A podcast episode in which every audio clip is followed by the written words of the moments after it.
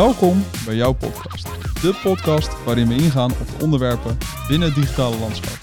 Mijn naam is Fabian. Mijn naam is John. En ik ben Jordi.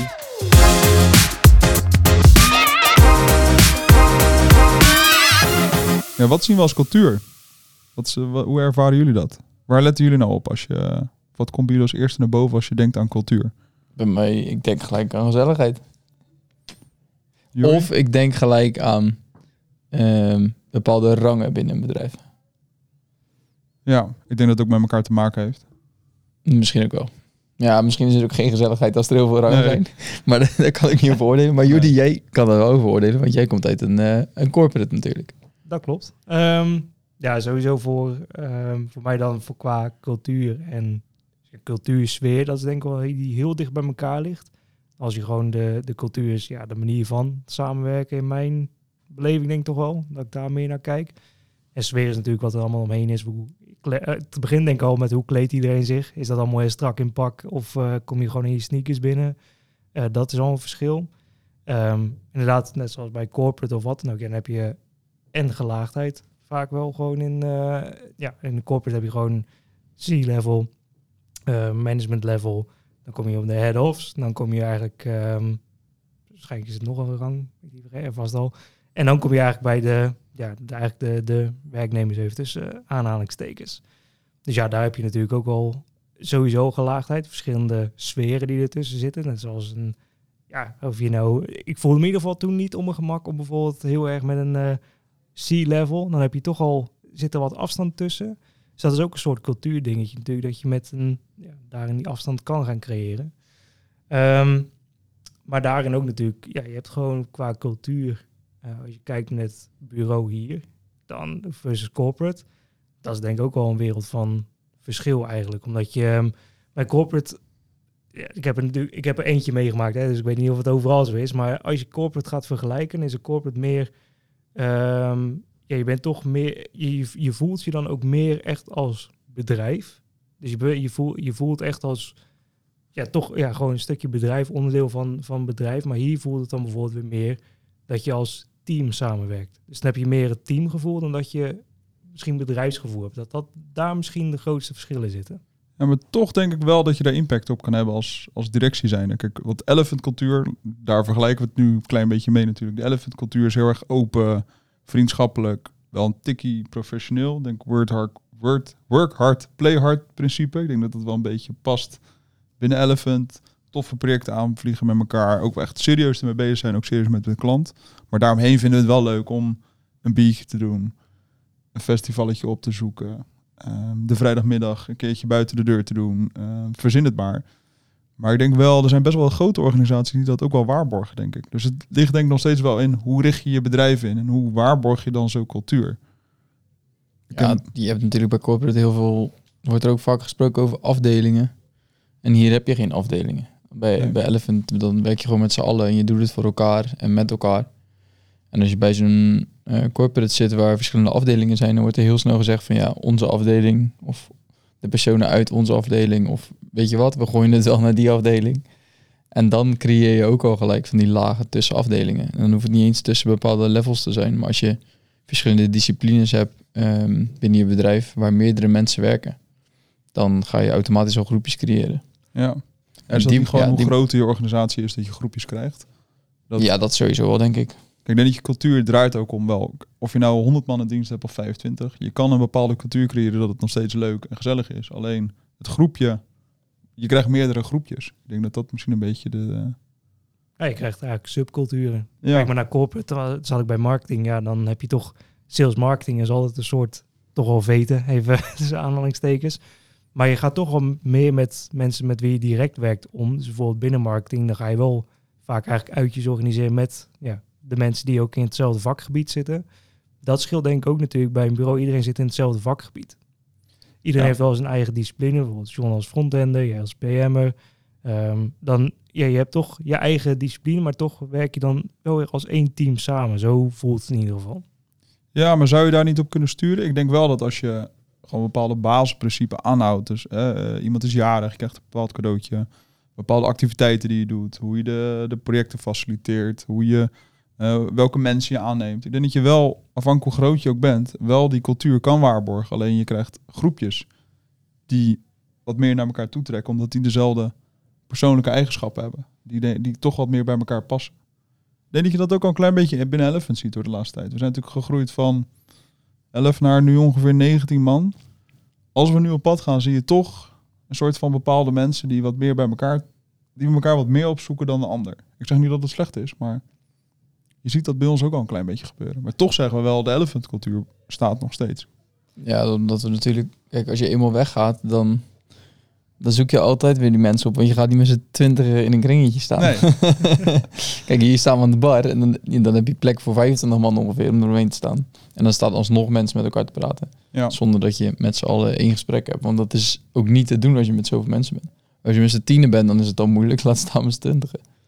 Ja, dus uiteindelijk zeggen we wel een cultuur binnen een bedrijf, die kan je waarborgen. Je kan sturen, je kan stappen ondernemen om toch een bepaalde vibe, samenwerking te creëren die ook bij je past als organisatie. Die aansluit bij, bij je visie, bij waar je ja, voor gezien wil worden. Absoluut. Ja, een stukje faciliteren natuurlijk. Gewoon hier, wat- John zegt, een bar. Gewoon gezamenlijk lunchen. Ja. Van die kleine, kleine dingen die ook kunnen helpen om iedereen gewoon weer bij elkaar te brengen. Ja.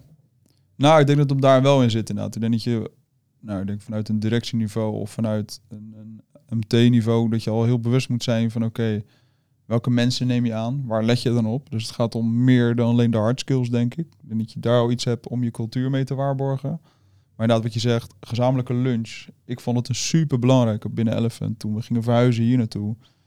We gingen natuurlijk weer in een groep, er kwam Raft bij. En het allereerste wat Jeroen en ik zeiden, maar we blijven wel gewoon met z'n allen lunchen. Dat is iets. Dat hoort gewoon bij je cultuur, denk ik. Dus ik denk dat je daar ook wel kritisch op moet zijn. Dat je bepaalde ja, dingen gewoon moet blijven doen om te zorgen dat mensen met elkaar blijven verbinden. Maar het zit er denk ik ook in hoe je projecten met elkaar aanpakt. De project is natuurlijk ook iets ehm, intern, dus met teamgenoten naar elkaar toe. Je zet mensen in een bepaalde rol, je neemt verantwoordelijkheid naar elkaar toe. Maar je betrekt ook klanten erbij. En klanten zijn natuurlijk ook een heel essentieel onderdeel van je bedrijf en van je samenwerking. Denk dat je ook wel ergens, als je cultuur wil waarborgen, ook op moet letten. Wat voor klanten trek je aan? Wat voor klanten zet je nou op welke spotlight binnen zo'n project? Welke rolverdeling krijg je? Ik denk dat we die niet. Ik denk dat dat best wel een belangrijk onderdeel is wat veel mensen onderschatten. Van hey, een klant en de klantrol binnen een project, wat dat doet voor een cultuur binnen een project. Wat uiteindelijk ook weer zorgt voor een cultuur binnen een project. Eh, binnen een bedrijf, sorry. Als een project natuurlijk niet lekker loopt, dan loop je natuurlijk ook met een. Ja, heb je het ook niet echt naar je zin op je werk. Nee, absoluut. Maar een project is altijd eh, een belangrijke factor. Als we hier alleen maar KUT-projecten zouden doen, Ja, dan zou de sfeer ook niet goed zijn. Dus ei- eigenlijk moet je dat soort van los zien van je bedrijfscultuur. Want dit kan bij iedereen invloed hebben. Dus je bepaalt je cultuur niet op basis van je project. Nee, maar wij kwalificeren wel af soms op basis van het type klant. Of dat bij ons past, ja of nee. Ja, dat zou wel kunnen. Maar dan ga je echt op de, op, dan ga je zeg maar oordelen op de klant. En Ja. niet per se op het project. Want dan kan het een heel gaaf project zijn, maar als de klant niet bij je past, dan... Nee, kijk, project heb je denk ik in de basis. Daar kijk je wel naar van, hey, is het iets? Maar ik denk dat je eerder afkwalificeert op klant. Dat de klant geen match is met onze cultuur. En dat je daardoor misschien te veel mismatch krijgt. Wat ja, gewoon doordruppelt je organisatie in. Daar kom je denk ik niet onderuit. En als die sfeer ook niet meer goed is bij een project, wat natuurlijk ook op eh, vrijdag gewoon zijn stand-down. Het helpt natuurlijk ook om die open cultuur, in ieder geval over project en ook met elkaar onderling, eh, te behouden. Want dan ga je in ieder geval in gesprek met elkaar. We beginnen altijd met, ja, wat is er slecht gegaan? Dus de negatieve punten. Dan ben je ook open, eerlijk, een heel team. Dus iedereen weet ook van, oké, daar liep degene tegenaan. Of het nou op werk of privé of wat dan ook is. En met die positieve punten neem je toch iedereen mee in de positieve vibe van alles. Ehm, maar ja, negatieve dingen mogen er soms ook zijn. En dat geeft ook weer aan, ja, openheid in die cultuur is wel een hele belangrijk om in ieder geval ja, goed met elkaar te kunnen samenwerken en die sfeer te bevorderen. Ja, ik denk dat die eerlijkheid wel een belangrijke factor is. Als je niet met elkaar kan praten over de dingen die niet goed gaan, dan wordt het ook alleen maar erger, denk ik. Dan ga je op een gegeven moment elkaar ook aanwijzen op dingen die niet goed gaan. Terwijl je eigenlijk helemaal niet weet wat in die andere persoon zijn hoofd speelt. Nee, absoluut. Misschien eh, nog wel duidelijk, om duidelijk te maken, is dat de stand-down bij ons op vrijdagmiddag is. En dan gaan we met z'n allen eventjes eh, door de projecten heen. Vertellen we wat de hoogte- en dieptepunten zijn. En eh, zo sluiten we de week met z'n allen af. Dus dan hebben we weer een soort van momentje om eh, met elkaar stil te staan eh, wat we allemaal gedaan hebben die week. Maar ik denk inderdaad eh, goed om, daar, met die punten je cultuur al ja, in een goede sfeer te zetten, zeg maar. Nou, ik denk dat het een hele interessante tip is om, om, om mee verder te gaan. Wat we ook binnen Elephant doen. Uiteindelijk door even een momentje te pakken, met elkaar stil te staan bij wie heeft nou wat gedaan, wat ging goed, wat ging niet goed. Creëer een bepaalde openheid. En mensen moeten op een gegeven moment, dat zie je ook, degene die voor het eerst staat, die denkt, ja, wat moet ik hier nou zeggen? Wat sta ik hier nou te doen? En de derde of de vierde keer merk je al dat hij zich aan het voorbereiden is, dat hij bewust bezig is met, oh ja, wat heb ik nou eigenlijk deze week gedaan? Die kennisdeling, in sommige gevallen ook heel trots om te laten zien van, hé, maar ik heb dit deze week of voor het eerst gedaan, of ik heb het supergoed gedaan, of ik heb een project opgeleverd waar geen feedback op kwam. Even ook die successen met elkaar delen. Ik denk dat het super belangrijk is om een bepaalde cultuur te waarborgen binnen een organisatie. Ik denk dat natuurlijk ook, dat is natuurlijk ook wat we opzoeken in de uitjes. Het is soms even een klein stukje sportiviteit, competitie opzoeken met elkaar. Je krijgt wel strijd, maar je gaat elkaar daardoor ook weer een beetje opzoeken. Een soort van teambuilding idee creëren. Wat ook weer, wat je daarna ook weer terugziet in de projecten. Je weet gewoon wat je aan iemand hebt, wat je met iemand kan doen. Waar misschien ook sommige zwaktes liggen, maar dat geeft niet. nee, ja, dat, Ja. ja, de- Nee, we weten hoort- allemaal, niet iedereen is perfect. Maar nee, toch? Ik denk dat dat helemaal niet erg is. Dat je juist op een gegeven moment ook weet, hey, hier liggen zijn krachten niet. Maar ja, laten we het dan met z'n tweeën doen. Of laten we kijken of we die kunnen helpen. En dat is natuurlijk ook wel ergens iets, een stukje cultuur. Van hey, we hebben natuurlijk samen groeien, eh, dingen samen doen. Ja, dan maken we elkaar allemaal een klein beetje beter.